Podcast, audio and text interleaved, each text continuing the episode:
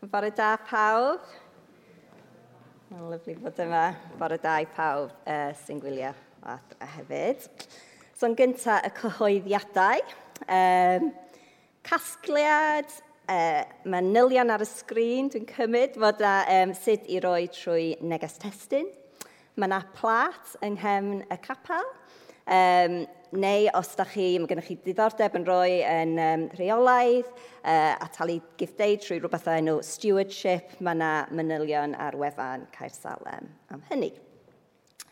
Uh, grwpiau cymuned dros yr haf, uh, mae, does na ddim grwpiau cymuned fel uh, arferol lle, ond da ni'n joinio mewn un grŵp pob nos fawth ar Zoom am hanner di saith. Uh, fydd y grŵp yma'n cyfarfod eto nos fawth yma, Um, os da chi ddim hefo'r manylion a da chi eisiau ymuno, plis cysylltiwch ag arwel. Um, Dysil nesa, Cadi yn arwain yr addoliad a mae Rodri yn pregethu, so da ni'n edrych ymlaen at hynny. A rwan, does dim rhaid cofrestru ar gyfer oedfeion, um, sydd yn step arall tuag at ella rhyw fath yn ôl marwyd. Mae'n lyflu weld chydig bach mwy o um, bobl i fewn bore yma, mae'n dal yn saff yma wrth gwrs, um, a pa bod dal yn, yn gwisgo mycydau, ond does dim rhaid um, cofrestru, ond da ni yn cymryd manylion pawb ar gyfer uh, track and trace, rhag ofyn. Ag pedwerydd, uh, da ni'n edrych ymlaen i groesawu Hana yma mis Medi fel intern ar ôl interniaeth, uh, bendithiol llwyddiannus iawn gyda lawr i dros y flwyddyn dwytha. Um, Mae yna cyfle i ni fel eglwys cyfrannu at uh, costau'r interniaeth a os fyswch chi licio cyfrannu tuag at hynny, mae yna manylion ar y wefan a mae yna link arbennig a sut da ni'n gallu cefnogi hynny. Ond um, peth mwyaf da ni'n gofyn am, wrth gwrs, ydy gweddiau. Um, so, please, byddwch yn gweddio dros hana, um, dros yr wythnosau nesaf wrth i hi paratoi i dod at hynny. Ac yn ola, yn y cyhoeddiadau, mae yna wedi bod newyddion, teulu, capal, cyffroes iawn wythnos yma. Dwi'n siŵr bod lot o chi wedi clywed bod Elin a Rodri wedi diwyddio. Woo!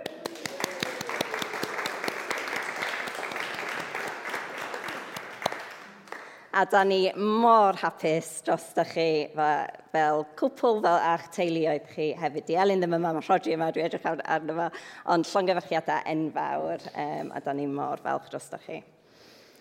Ia, be am i ni gweddio cyn i fi mynd ymlaen i'r pregeth. O diw da, dwi'n diolch i ti am y, y fraint mae o'i dod yma, bore yma, um, ag i ymuno o bell hefyd, um, i dod at yn gilydd fel fel teulu, i, i addoli ti ac i dysgu o dy air. Da ni diolch bod ti yma gyda ni. Da ni diolch bod ti gyda y bobl sydd yn gwylio o adra hefyd. Dyw, da ni moli dy enw di. Da ni yn dathlu gyda rhai yn ein plith a rhai yn ein teulu sydd yn dathlu. Da ni diolch am Rodri ac Elin a'r newyddion hyfryd hwnna. Da ni'n gweddio dyfendith arnyn nhw. A da ni hefyd gweddio Dyw am pobl yn ein teulu, yn ein plith sydd yn um, mynd trwy adegau anodd ar hyn o bryd, a da ni'n gweddio am dy nerth a dy gysur iddyn nhw.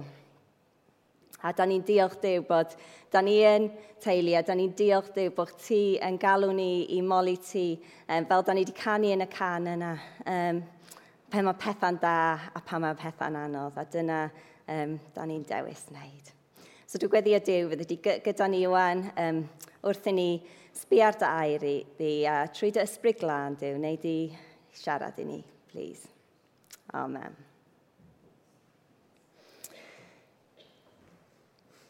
O, da ni fel teulu wedi uh, datblygu bach o hobi newydd dros y misoedd dweitha. Diolch i Andy a Hef, a hefyd Teulu Roberts, oedd di gwahodd ni gwahanol amdegau i mynd allan ar y dŵr yn gwahanol lefydd. Um, da ni wedi buddsoddi mewn paddleboard a kayak, a da ni'n hoffi mynd i llyn Llanberis am dro. Um, so ni licio deud, da ni jyst yn taflu'r pethau fewn i'r car a offa ni, ond mae'n cymryd tua awr neu ddwy i ni cael pob dim at ei gilydd, offa ni, a fel arfer, da ni di anhofio lot o bethau erbyn cyrraedd, ond ta waith. Um, dwi'n gwybod os da chi wedi sylwi pa mae pobl yn mynd i fewn i dŵr i mewn llyn neu yn y môr. Mae yna gwahanol styles does o sort of, mynd i'r dŵr. A dwi'n feddwl yn teulu ni, mae'n deg i deud, da ni'n sort of cyfro'r spectrum. Um, dwi ar un ochr o'r spectrum yn licio mynd yn aradeg iawn. Mae un troed yn mynd A dwi'n dod i arfer efo'r oer neu dŵr, a mae'r troed arall yn mynd. A dwi'n ara deg iawn yn mynd i fewn i'r dŵr. Dwi'n licio yn Llanberis, dwi'n wrth modd yn edrych i fyny ar y mynyddoedd. Dwi'n cymryd i fewn y golygfeidd, dwi'n licio gweld busnesu pwy arall sydd yna, neu bach o asesiad risg. A, you know, you get the picture. Ar ochr arall y spectrwm, mae Lydia sydd yn agor y drws y car, neidio allan o'r car, rhedeg i'r jeti, rhedeg ar hyd y jeti a bomio i fewn i'r dŵr hefo splash mawr. A mae Caleb a Martin Rwla rhwng y ddwy ohonyn ni, dwi'n meddwl. A wrth i fi dechrau paratoi um, y pregaeth yma rhai wythnosau nôl, o'n i'n meddwl am hyn achos oedd o'n teimlo, mae'r adnodau da ni'n edrych ar heddiw – da ni'n mynd syth i fewn, mae'n rhoi warning i chi, syth i fewn, i lle mae Iesu yn marw. A oedd o'n teimlo'n bach fel, oedden ni'n neud rhyw jump mawr Lydia style i fewn iddo fo. A o'n i bach yn anghyffyrddus efo hynny. Dwi'n hoffi, os da ni'n os dwi'n dallan am rhywbeth arwydd ar cael yn ysgrythyr, dwi'n licio gweld beth sy'n dod cyn, dwi'n licio cymryd on ara deg i fewn i'r lle yna. A fel arfer pan da ni dallan am y groes, wrth gwrs, da ni'n dallan am y superola dydan, am gardd gasemeni. Da ni'n ni, ni cymryd on ara deg i'r moment yno oedd Iesu fod ar y groes. Oedd, o'n i am deud i chi, you know, bear with me, da ni'n neidio i fewn mewn ffordd heddiw. Ond wedyn, ar y ffordd nôl o gwyliau ni ddwy, nes i gwrando ar pregaeth John Robinson o wythnos dwytha. A os da chi heb gwrando y ganddo arna, please, gnewch, mae'n ffantastig. Ac wrth gwrs wythnos dwytha, os oeddech chi yma, fyddech chi'n gwybod oedd John di pregethu ar y groes am un o'r gweddiau Iesu um, cyn y gweddi da ni'n edrych ar rwan. A felly, i rhai o chi sydd wedi gwrando ar hwnna, da chi wedi cael mwy o fatha cerdded yn ara deg i'r pwynt yma, y ffordd dwi'n licio gwneud pethau. Ond ba bynnag ffordd, os, da ni, os oeddech chi yma wythnos dwythio neu nath chi clywed, a felly da chi wedi bod yn myfyrio ar Iesu ar y groes, ar ei morwolaeth o, nes nathach chi ddim a da ni'n neidio syth i fewn. Dwi jyst yn really gweddio fydd, fydd Dyw yn, yn bendithio chi trwy'r geiriau yma bore yma. So, dyma'r darlleniad. Da ni'n sbi ar lyc 23 heddiw. Dim ond tri adnod um, bach ond maen nhw'n dofyn iawn, um, gyfoethog iawn. So, lyc 23, 44 i 46. Roedd hi tua chanol dydd erbyn hyn, ac aeth yn hollol dywyll drwy'r wlad i gyd, hyd tri o'r gloch y pnawn. Roedd fel petai golau'r hael wedi diffodd. Dyna pryd wnaeth y llen hir oedd yn hongian yn y deml rhwygo yn ei hanner. A dyma Iesu'n gweiddi'n uchel, Dad, dwi'n rhoi fy ysbryd yn dy ddwylo di. Ac ar ôl dweud hynny, stopiodd yn adlu a marw.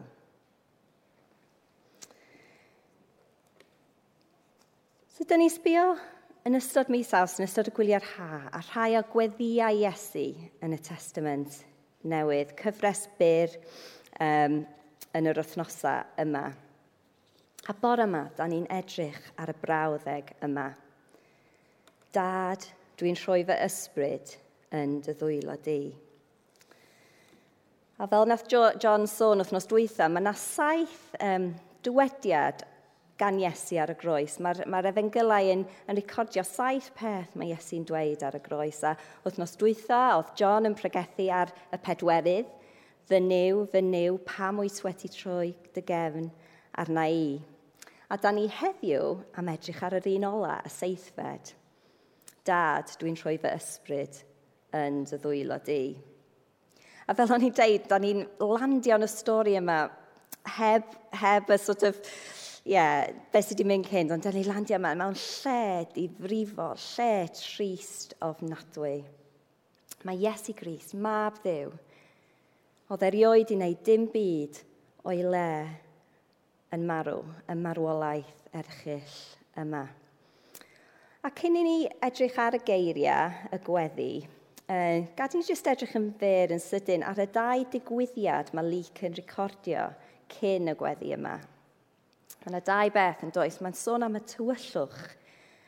Doedd dywyllwch mawr dros y wlad am dair awr. Jyst meddyliach am hyn am ychydig. Mae'n hawdd dallan hwnna a, a symud ymlaen. Ond tywyllwch yng nghanol dydd. Fysa fod i bod yn dychrynllid iawn i'r bobl oedd yna'n ofnus iawn. Beth oedd yn digwydd? Nawr mae rhai pobl trwy hanes wedi trio gliro fel hyn, o, eclips o'r hael oedd o. Um, dyna gyd oedd yn digwydd. Ond na, mae clips o'r hael yn, yn para munedau. Nath hwnt para tair awr. A dydw i ddim yn expert ar y pethau yma o gwbl, ond oedd o'r adeg y pasg, doedd adeg y Passover, da ni'n gwybod hynny. Um, a oedd hwnna, apparently, e, pob tro yn cael ei dathlu adeg lleiad llawn. A apparently, ar gyfer solar eclipse, mae angen lleiad newydd, new moon, dim lleiad llawn. Mae'n anhosib i eclipse digwydd pan mae'n lleiad llawn. So dim eclipse oedd o. Mae nhw rhywbeth uwch naturiol yn digwydd fa yma. A da ni, mae'r Beibl ddim yn deud i ni pam na sut mae hyn yn digwydd, ond mae'n fatha bod y greadigaeth yn ymatab mewn ffordd dramatig i'r, digwyddiadau ofnadwy yma sy'n digwydd ar y groes yn dydy. Tywyllwch yn dod dros y gwlad. Mae'n anodd mm, sort of dychmygu'r peth, ond natur creadigaeth yn ymateb. A'r ail peth, y llen yn y deml yn rhwygo. A oedd, oedd um, Martin di sôn gyna am y deml yn doedd, a um, I dallt arwydd, arwydd o cad y llen yma, mae rhaid edrych nôl i'r hen testament a, a dallt be oedd yn mynd ymlaen. Fel oedd Martin deud, oedd pobl di wedi cael um, gorchmyn uh, i, i adeiladu'r deml yma. Oedd Dyw wedi deud nhw'n adeiladu teml, a oedd yna man, man, man, manylion fanwl iawn o sut mae'r deml i fod i edrych. A yn canol y teml, oedd Dyw wedi deud i'w bobl dda adeiladu y lle mwyaf sanctaidd the Holy of Holies. A yn y lle mwyaf sanctaidd yma, dyna lle sa Dyw yn bresennol ar y ddeiar. Dyna lle oedd Dyw yn dewis bod yn bresennol. Oedd o'n lle arbennig iawn. A dim ond un person yn cael ei mynd i fewn i'r lle mwyaf sanctaidd yma pob blwyddyn. Yr arch o ffeiriau, just unwaith y flwyddyn, oedd o'n gael mynd i fewn. Oedd pawb arall gorfod aros yn bell. Oedd y, oedd y llen yma fel symbol o um, y gwahaniaeth rhwng Dyw yn ei sancteiddrwydd, sancteiddrwydd a, a pobl yn ein pechod. A apparently, oedd un commentary deud bod y, y, y, y llen yma 18 metr o uchder. A mi hwnna'n uwch na'r to yma, dydy, dwi'n cymryd. Yn rwy'n yn gwybod pa mor uchel mae'r adeilad yma? Na, di arwel ddim. Um, ond oedd o'n glamp o, um, o llen o o defnydd drwchus iawn. Mae gennym ni llyfr plant hyfryd adra o enw uh, The Garden, The Curtain and The Cross. A mae o'n llyfr plant, ond mae o'n llawn gwirionedd um, anhygoel am, am y Beibl, am, am hanes y Beibl. A mae o'n sôn am y llen yma fel God's big keep out sign – A pan nath y pobl gadael edan, pan nath Adam edda gadael edan, oedd na arwyddfan a keep out. A yna, yn y deml, pan nath Dyw dewis dod a, a fod yn presennol ar y ddeiar, yn y lle mwy o sanctaidd yma, mae'r mae llen yma fel God's big keep out sign. A mae yna refrain yn mynd trwy'r llyfr yma fel rhyw um, kitscan. Because of your sin, you can't come in.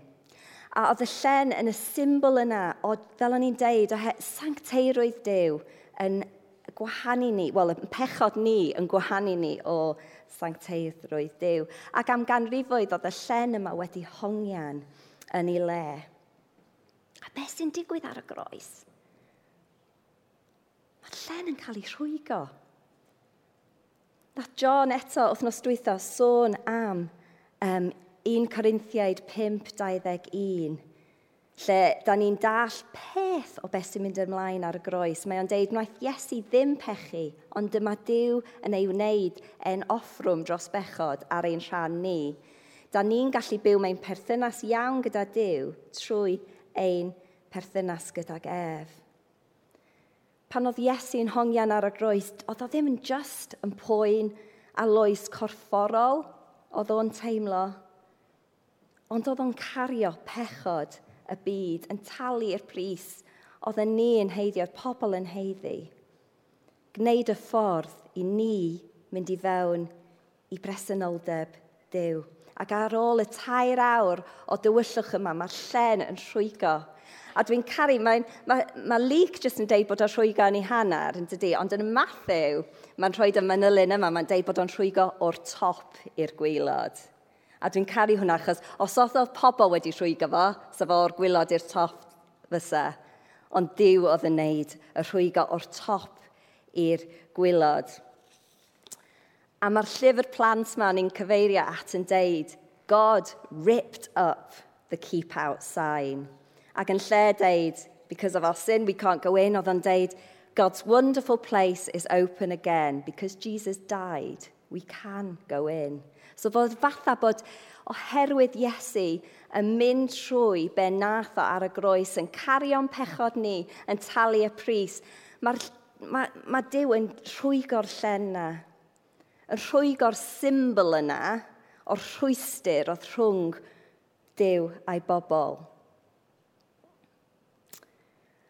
Yn symboleiddio bod da ni wwan wrth i ni ymddiriad ar gwaith Iesu yn y groes, gallu mynd i fewn i bresenoldeb Dyw. Does dim byd, does dim llen. Mae, mae gen y llen ddim rôl rhagor, achos mae Iesu wedi wneud y gwaith a da ni'n medru bod yn presenoldeb Dyw. O'n i'n licio un, un peth nes i dallan hefyd, bod o'n hefyd yn meddwl symboleiddio Dyw yn dod allan o'r lle yna i fewn i'r byd hefyd trwy ysbryd glân. Mae'r ma, crwystyr yna wedi mynd, mae'r ma, ma ffordd wedi cael ei wneud yn agor. Os dwi jyst yn dallan Hebrea 10, mae hwn yn um, y egluro be dwi'n ei ddeud mewn ffordd lot gwell. Felly, ffrindiau anwyl, gallwn bellach mynd i fewn i'r lle mwyaf sanctaidd yn y nefoedd am fod gwaed Iesu wedi dywallt yn aberth. Dyma'r ffordd newydd sydd wedi hagor i ni drwy'r llen. Am fod Iesu wedi aberthu ei gorff ei hun – y ffordd i fywyd. Mae gyna ni'r Mesoea, yr archoffeiriad gwych gyda awdurdod dros deulu Dyw. Felly gadewch i ni glosio at Dyw gyda hyder didwyll a'i drystio fe'n llwyr. Mae'n cydwybod eog ni wedi'n glanhau drwy waed gael ei deinellu arno ni, a da ni wedi golchi a dŵr glân. Amazing. So dyna mi mynd ymlaen o'n felly i edrych ar y, ar y geiriau Iesu, y gweddiau yma, y gweddi yma. Da ni'n dallan 40, adnod 46. Mae Iesu'n gweiddi'n uchel. Dad, dwi'n rhoi fy ysbryd yn dy ddwylo di. A John yn y glir wythnos dwytho, oedd y geiriau oedd Iesu wedi deud cyn hynny wedi dod o salm 22, os da chi'n cofio. O, mae geiriau yma hefyd. Mae Iesu yn quotio salm, salm, salm 31, adnod 5, sy'n deud dwi'n rhoi fy mywyd yn dy ddwylo di. A mae'n mynd ymlaen i deud, dwi'n gwybod y gwneud i fydd Dwi'n gwybod y gwneud i fy rhyddhau achos ti o arglwydd ydy'r diw ffyddlon. A dallan nhw'n eto, dwi'n rhoi fy mywyd yn dy ddwylo di.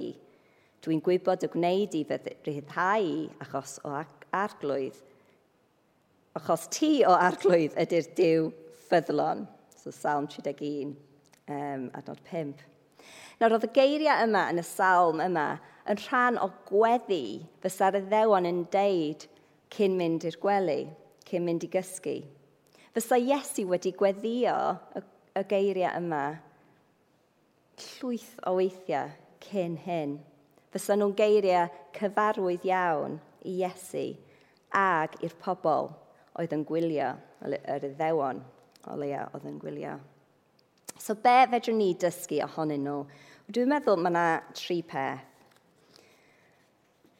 Yn gyntaf, maen nhw'n eiriau o intimacy maen nhw'n dangos ac osatrwydd rhwng Iesu a Dyw y Tad.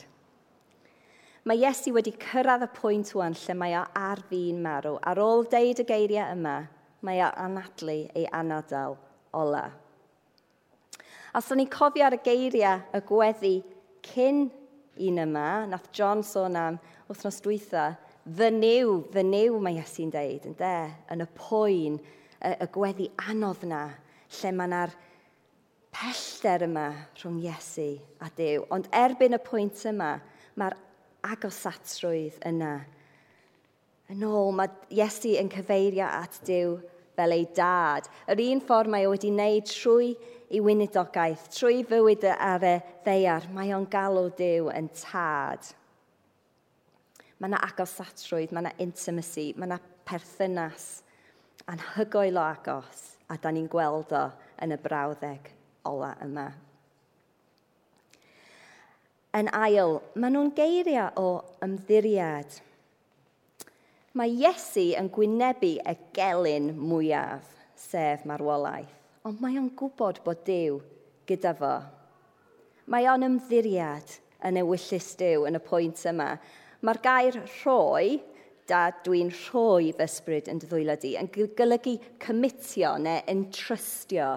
Mae yna ymddiried yna, dwi'n entrystio fy, um, fy hun i fewn i dy ddwylo di, mae Iesu'n deud. Wrth i Iesu marw, mae o'n ymddiried ei hun i freichiau ei dad. Mae'n gwybod bod Dyw yn ffyddlon a mae'n gwybod fydd o'n gyflawn i be mae wedi gynllunio o'r cychwyn – i wneud. Mae Iesu'n gwybod lle mae o'n mynd. Yn gynharach yn lyc, da ni'n darllen am sgwrs rhwng Iesu a'r dau troseddwr oedd pob ochr iddo fo ar y groes. Mae un o'r troseddwyr yn rejectio fo, ond mae'r llall yn ymateb i Iesu. Dyna ni darllen yn lyg 23, 39 i 43. Yna, dyma un o'r troseddwyr oedd yn hongion yno yn dechrau regu nid ti ydy'r Mesoea, achub dy hun, a ninnau hefyd. Ond dyma'r troseddwr arall yn ei gerddi. Does arna ti ddim ond dew a thithau ar fi'n marw hefyd. Dyn ni'n heidd i cael ein cosbi am yr hyn weithio ni, ond wnaeth hwn ddim byd o'i le. Yna meddai, Iesu cofio amdanau pan fydda dyn teirnasu, a dyma Iesu'n ymateb, wir i ti, cei di ddod gyda mi i baradwys heddiw. Oedd Iesu medru ymddiried yn y tad oherwydd oedd o'n gwybod i le oedd o'n mynd. Oedd o'n gwybod dydy marwolaeth dim diwedd y daith. Yn Iowan 10, 17, mae Iesu yn sôn am hun yn y darn yma um, Mae Iesu'n dweud fod i'r bigel da. A mae'r adnod yma, 17, yn dweud, mae Iesu'n dweud i'r pobl, mae fy nhad yn fy ngharu i am fy mod i mynd i farw yn wirfoddol er mwyn dod yn ôl yn fyw wedyn. Mae Iesu medru ymddiried yn diw y tad oherwydd bod o'n gwybod. Mae o'n gwybod mi fydd o yn bresenoldeb y tad, a mae o'n gwybod hefyd fydd o'n dod yn ôl i gorff atgyfodiedig. Dydy Iesu ddim yn galw allan mewn ofyn. Mae'r gweddi ola yma ddim yn gweddi o ofyn. Mae o'n gweddi o ymddiried. Mae gen Iesu y sicrwydd cadarn yma. Fydd Dyw yn ffyddlon. Os da ni wedi ymddiried yn Iesu, da ni hefyd hefo'r gobaith sicr yma. Dim oherwydd dim byd da ni wedi wneud, ond oedd oherwydd gwaith Iesu ar y groes. So mae yna intimacy, mae yna ymddiriad Ac yn ola, mae yna geiriau o ildiad, submission. Mae Iesu yn rhoi i fywyd i fyny ar y moment yma a nadlu ei anadol olaf. Ond mae yna, fasa bod yna heddwch yn y geiriau yma oherwydd mae o'n ildio i Dyw. Mae Iesu yn fodlon. Mae'r geiriau yma'n dangos bod o'n barod i marw. Da ni'n clywed bod o'n gweiddi'n uchel. Mae hein yn geiriau penderfynol. Nath Iesu dewis mynd i'r groes. Trwy ei fywyd, mae o'n gyfeirio at y dioddefan sydd i ddod. Mae o'n rhagfynechu marwolaeth o. Fel nes i um, darllen gyna, rhai munud yn ôl, Iowan 10, 17. Nath o deud yn dod, mae fy nhad yn ngharu am fy mod i'n mynd i farw yn wirfoddol er mwyn dod yn ôl yn, yn fyw wedyn. A mae'n mynd ymlaen i deud, does neb yn cymryd fy mywyd o ddi arna i, fi fy hun sy'n dewis rhoi fy mywyd yn wirfoddol. Mae gen i'r gallu i'w roi a'r gallu i gymryd nôl eto. Mae fy nhad wedi deud wrth ei beth i wneud.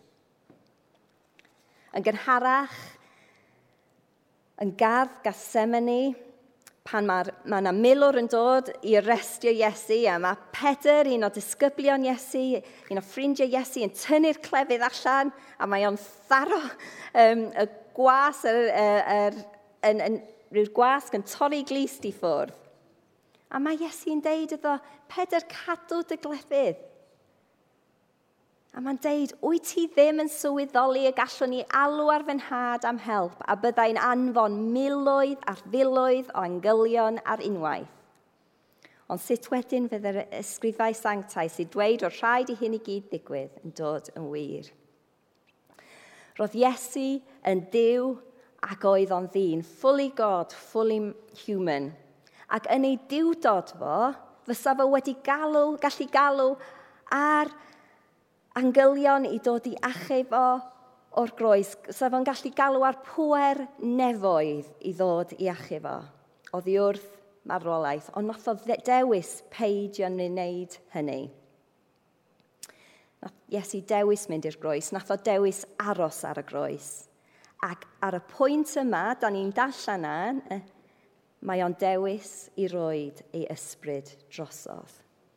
Mae gwaith o wedi ei wneud. Oedd o wedi wneud popeth oedd o wedi dod i wneud. Oedd o ar diwedd y daith fel dyn ar y, um, i'r pwynt yma. Yn Beibl, yn Efengel Iowan, mae un o'r dywediadau Iesu na un o'r saith gorffenwyd yn tydyn. Yn beibl.net. Mae'r cwbl wedi i'w wneud. A mae'r gair yna yn y, yn y groeg mae o'n gair sydd yn y perfect tense, i rai sy'n licio gramadeg. Mae'n golygu mae o wedi gorffan a fydd o'n, fydd on aros yn gorffan am byth. Mae, mae hyn yn datganiad o fuddigoliaeth. Mae Iesu wedi wneud be oedd o wedi dod i gwneud. Yn fwriadol, yn gwirfoddol a mewn cariad perffaith, mae Iesu yn dewis marw yn ein lle ni. A da ni gweld hwn yn y brawddeg yma, y dewis yna, yr ildio, dewis ildio i ffordd um, a ewyllus y tad. A wrth gwrs, o'n i'n gwybod di'r stori ddim yn gorffan fama. Tri diwrnod wedyn, mae, yes, mae Dyw yn codi Iesu o'r bedd yn tydi. Mae'r vindication yn dod bod Iesu yn pwy mae o di deud, mae o, mae o mab Dyw, mae o mae o'r Mesoea a mae o wedi cael y fuddugoliaeth dros pechod, dros marwolaeth. So be di ymateb ni i hyn bore yma? Be da ni'n gallu dysgu i ni'n hunan o'r gweddi yma? Wel, dwi'n meddwl y tri pwynt yna. Intimacy gyntaf. Mae Dyw yn galw ni i fewn i'r intimacy yna o Iesu gyda E- efo gyda'i dad. Yn 1 Iowan 3, adnod 1, mae'n deud, meddyliwch mor addrithro fawr ydy cariad mae'r ta, mae tad wedi ddangos ato ni. Dyn ni'n cael ei galw'n blant dew, a mae'n berffaith wir. Da ni yn cael galw dew yn tad, dad. Papa, da ni wedi bod fel, um, efo fy chwaer wythnos yma, mae ma tad um, Mae hi wedi prodi rwy'n o Colombia, mae o'n siarad Sbeineg i Caris y, y ferfach. Papa, oedd hi'n dweud, rhedeg rown, papa. Da ni'n cael galw Dyw, y, y gair agos na, aba, papa, tad, dad. Mae Dyw eisiau'r agosatrwydd na gyda ni. So'n gyntaf, intimacy. Yn ail, ymddiried. Mae Dyw eisiau ni ymddiried yn ddyfo peth mwyaf ydan ni dwi ymddiriad ein dyfodol iddo fo, ein dyfodol teirnasol. Ydan ni wedi ymddiriad yn gwaith Iesu ar y groes, y gwaith da ni wedi clywed am heddiw. Nes i sôn gyna doedd, os, os da ni wedi, mae gyna ni'r gobaith sicr yna o lle byddwn ni'n mynd ar ôl marwolaeth. A mae'r gwahoddiad ar agor i ni bora yma i neu i ymddiried iddo dda, i'r rhai sydd, i, sydd yn cario ymlaen i ymddiried, a'i rhai sydd efallai ddim wedi ymddiried eto. Mae yna gwahoddiad i chi bora yma i ymddiried yn gwaith Iesu ar y groes, yn, i dod i fewn lle mae tro gyntaf i'r perthynas agos yna hefo Dyw y tad. Ond mae Dyw hefyd eisiau ni ar ein, ein bywydau ni o dydd i ddydd i ymddiried yn ddyfo, i gwybod bod o'n ffyddlon, mae o eisiau'r gorau i ni. Mae o eisiau ni ymddiried yn ddyfo hefo ein frustrations, y pethau sy'n digalon i ni, y brwydrau, y pethau sy'n poeni ni. Da ni angen dod yn nhw at Iesu, gofyn iddo fo am ei wyllus o ac ymddiried yn ddyfo. Ac yn drydydd, mae'n galw i ni ildio iddo fo hefyd. A mae, mae o'n cysylltiedig iawn gyda ymddiriad yn dydy. Da ni'n ildio herwydd. Da ni'n ymddiriad. A mae yna galwad ar ni just neu check pob un a hyn o'n bywyda ni. Yda ni yn ildio i Iesu yn pob ffordd, yn pob lle neu'n bywyda ni. Cys dyna'r galwad. A da ni'n medru oherwydd y cariad perffaith na sgyn Dyw tuag ata ni, a'r ffaith da ni'n medru ymddiried yn fo yn bob dim. So, sy'n ni'n licio gweddio hella wrth i'r band dod uh, i fyny. A wedyn byddwn ni canu ein can ola.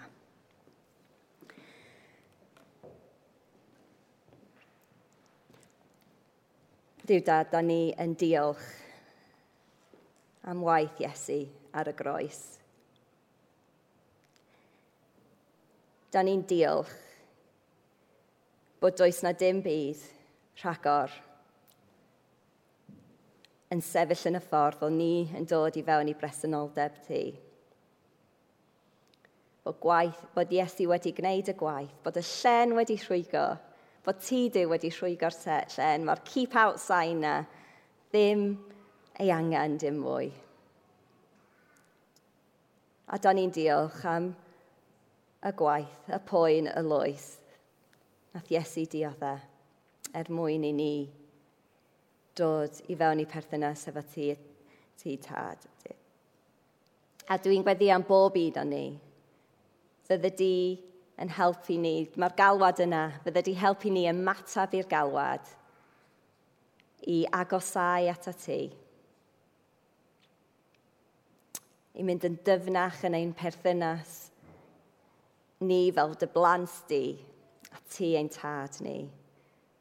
Dwi'n gweddio fydde di helpu ni i ymddiried yn dda ti. I rhai sydd heb i wneud y cam yna o ymddiried am y tro gyntaf am y gwaith ti ar y groes. Lle medrwn ni deud, sori am holl pethau da ni wedi wneud yn wrong yn gwybod bod ti yn maddau ni. A dwi'n gweddi a fydde di helpu ni gyd hefyd i ymddiried yn y pethau, y pethau bach a'r pethau mawr yn bywydau ni. I trystio ti, Dyw, oherwydd ti yn ffyddlon. Ac i ildio i ti yn pob rhan o'n bywyd ni, i dywyllus di. Oherwydd ti'n Dyw da, ti eisiau'r gorau i ni a ti'n caru ni gyda cariad perffaith. Diolch, diolch, diolch, Iesu. Amen.